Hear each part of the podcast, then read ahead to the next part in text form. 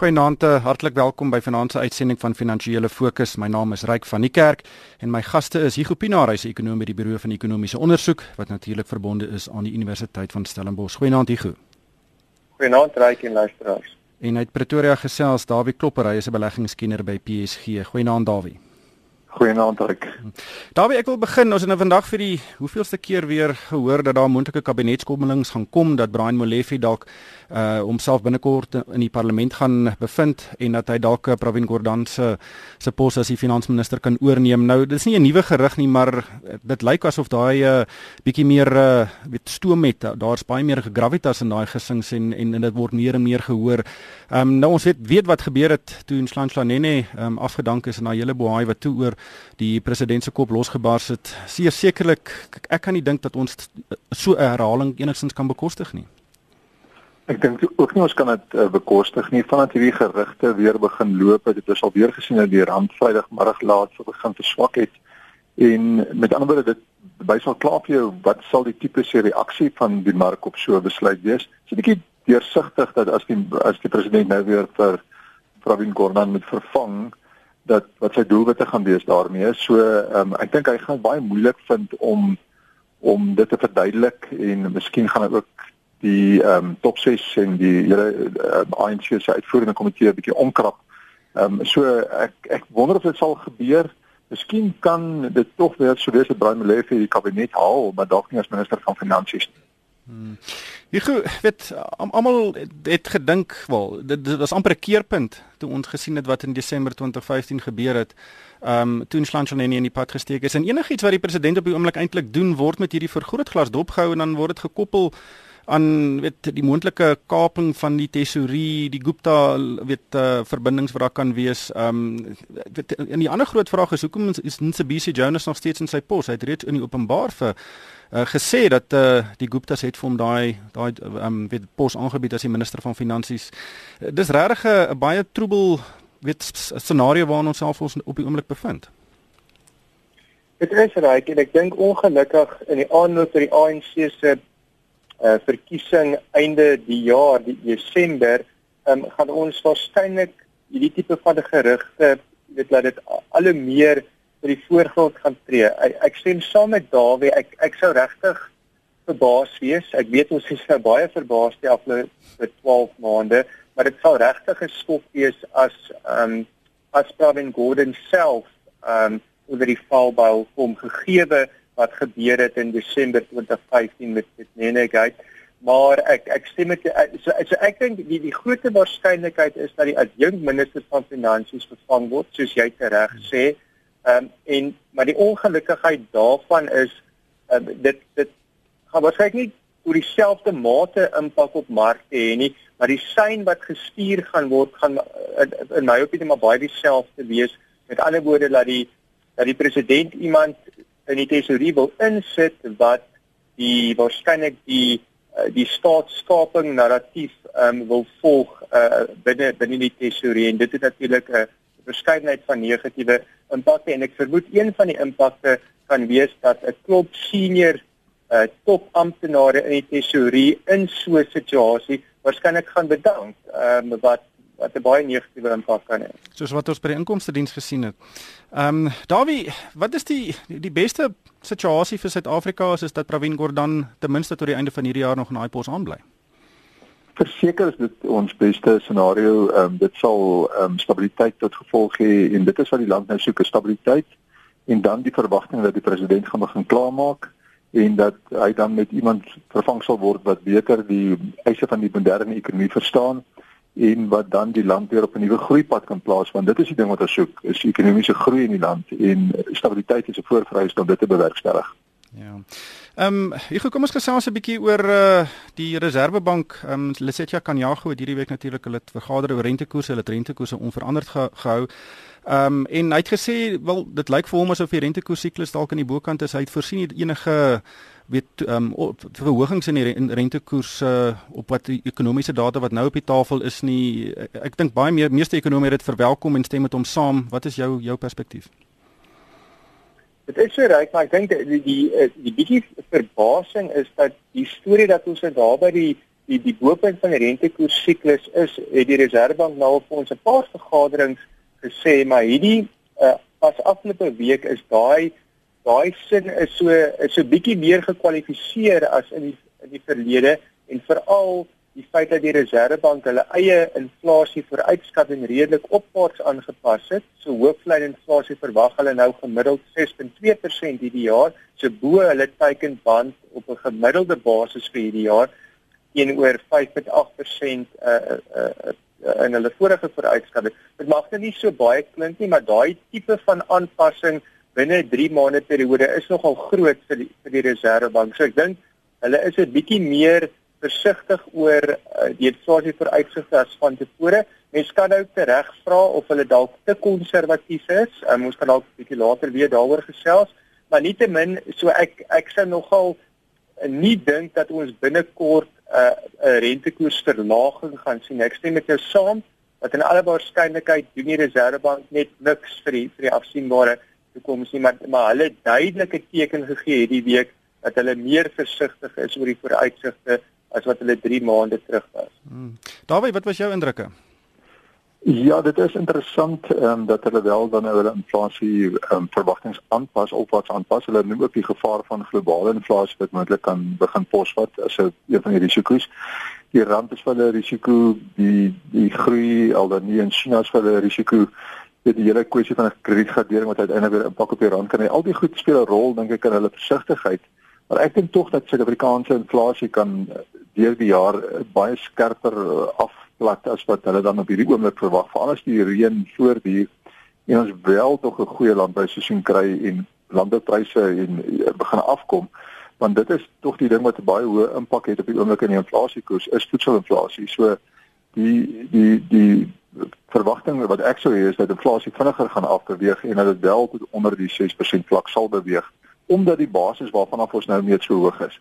So miskien maar net 'n versigtigheid wat hulle uh, weet wil vir ons uitstraal wat goed is, daar's niks fout daarmee nie.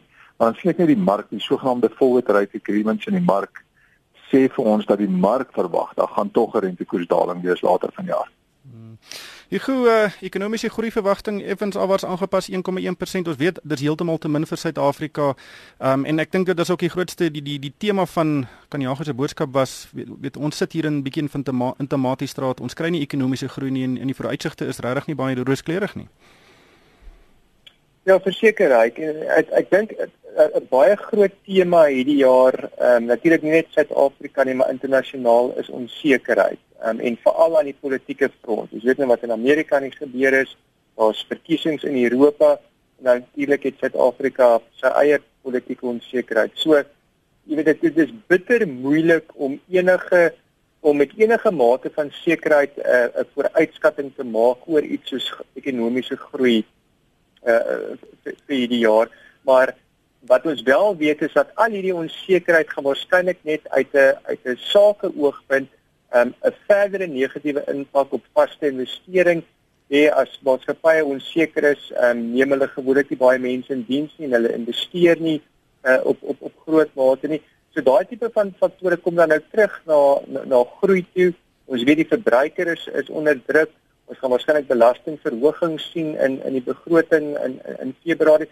So daar's dit daar's dit 'n klomp faktore wat vir jou sê dat dit alle waarskynlikheid ehm um, as dat ons nie nie veel meer as 1% gaan groei in in 2017. Daarby kom ons gesels 'n bietjie oor onsekerheid. Ons het nou vir Donald Trump het nou sy eerste groot um, verrassende besluit geneem dis met hierdie uh, toegangsbeperkings tot Amerika waaroor nou in die vorige program so deeglik gesels is. Um, maar dis die ding waaroor almal bekommerd is oor Donald Trump. Hy gaan hierdie onverwagte goeders doen wat uh, baie baie onstabiliteit en onsekerheid kan meebring. Uh hoe, hoe lees jy hierdie hele situasie oor die die die verrassende wyse waarop hy hierdie besluit geneem het en die impak wat dit op markte op markte kan hê?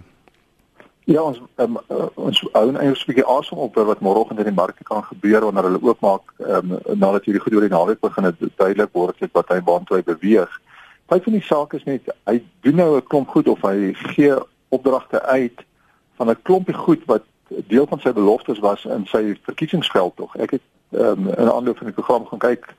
Um, daar is so iets soos 76 beloftes wat hy gemaak het in sy verkiesingsveld tog waarvan hierdie nou een was en dan die bou van die muur was een en dat Mexiko se betaal vir die muur ensovoorts.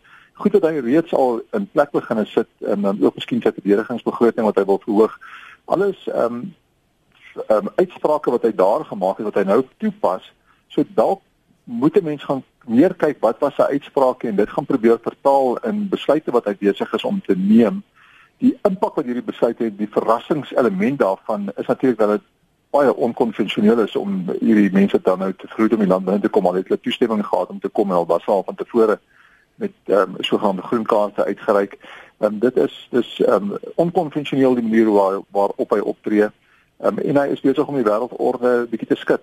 Ehm um, en ons is die mark het tot dusver alles baie positief ervaar en die Trump loopie is aan die gang en die Dow Jones oor die 2000 28000 vlak Ehm um, dit is alles ehm um, deel van dit wat ons moet probeer vir ons konteer. Hoekom is die mark so optimisties ehm um, terwyl hierdie uitsprake ons aan telke male verras? Hmm. Ja, dit is uh reg ek dink hierdie dit is die groot weet uitdaging van Trump is die die wissel die onvoorspelbaarheid. Hugo jy weet hy wil alles doen vir die Amerikaanse ekonomie, Amerika, Amerika eerste ehm um, dink jy hierdie tipe van optrede uh, gaan regkry wat hy wil hê moet gebeur daar?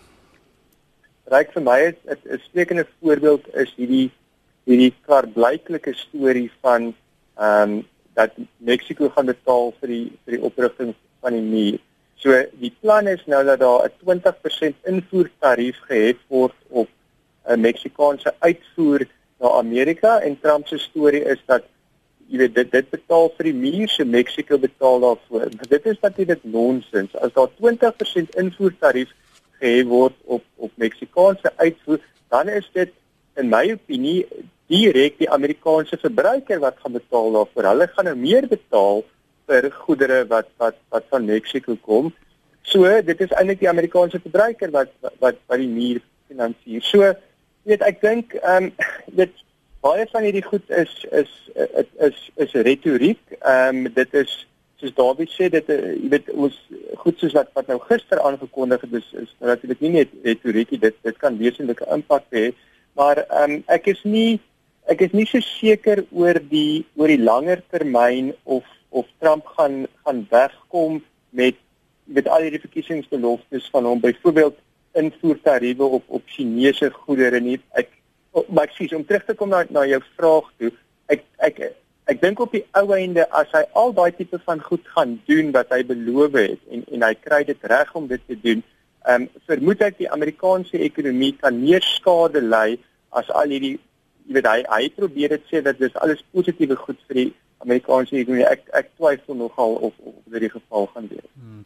Ja, Dawie, die wisselkoers uh, wel die dollar wisselkoers teen die ander geldeenhede gaan 'n groot tema bly vir jaar. Uh, my die dollar het verstewig uh, en weer bietjie verswak ook nou in die laaste paar weke. Wat, wat is jou verwagtinge vir die wisselkoers en veral nou die groot impak wat Trump kan hê byvoorbeeld op die rand dollar wisselkoers want ek dink uh, hy kan dalk die individu in die wêreld wees wat die grootste impak het op ons wisselkoers uh, selfs meer as ons eie president. Ja, dit is 'n baie netjiese opmerking van jou kant af want ehm um, ek dink mense sou kon dink dat ehm um, daar is nou al, al die verwagtinge dat ehm um, uiteindelik die Amerikaanse ekonomie begin groei. Dit gaan veral in die eerste jaar moontlik ook so wees dat daar sterker groei is, die verwagting ten minste daarvan dat dit sal geld die land intrek en dat dit die dollar sal verstewig. Wat ons wel moet net uh, na oplet is dat die Amerikaanse dollar dollar al reeds die afgelope 18 maande baie sterk is en uh, aan die versterk is veral dan teen die euro en ehm um, dat mense nou sou kon verwag dat hierdie ehm um, weer dingetyd van Amerika versus byvoorbeeld Europa ehm um, nou op op so 'n vlak is dat dit nie veel verder hoef te verstewig nie. Op die oomblik die verstewiging is is ehm um, so goed soos 'n rentekoersverhoging dit verstram die monetêre beleid of ehm um, in in Amerika en dat uiteindelik dit tot 'n negatief sal lei as die as die dollar te sterk word. So ek dink hier rondom 1.06 teen die euro is omtrent 1.104 miskien is omtrent so sterk soos wat die dollar gaan word teen die euro. Maar ehm um, Hugo, ek wil net afsluit. Ehm um, ons het nou uh, nuus gekry dat hier 'n nuwe die herfskomando wurm in Suid-Afrika is. En dis natuurlik 'n uh, wurm wat uh, mielie mielies vreet en uh, daar's 'n probleem met hom. Daar's baie min dinge wat hom doodmaak, baie min gifstof wat hom kan doodmaak. Uh, en die mense is bekommerd dat dit ons mielieoes regtig kan benadeel. Wat is die storie hierson? Ja, reg, miskien het so, dit baie positiewe nuus hierdie hierdie week gekry van die oesskattingskomitee in terme van die die hektare wat wat boere mielies geplant het, um, 50% meer as in 2016 in terme van wit mielies. En en dit is wat wat selfs die verwagtinge weens die goeie reëns, maar nou het ons nou hierdie hierdie hierdie wurm en en klaar blyklik, ehm um, daar is 'n Afrika ehm um, komando wurm waar waarvan ons bewus is en plaaslike insekdoders kan kan lyk like my hierdie ehm um, ouetjie wanneer beheer kry, maar hierdie is nou 'n 'n wurm wat klaar blyklik van Suid-Amerika gekom het, aanvanklik in Wes-Afrika, nou afbeweeg het Sentraal-Afrika toe en nou in Suidelike Afrika en blykbaar al groot verwoesting gesaai het in in lande so Zambië en en Zimbabwe en nou lyk my is daar tekens daarvan dat dit in Suid-Afrika ook um, aan aanwesig is.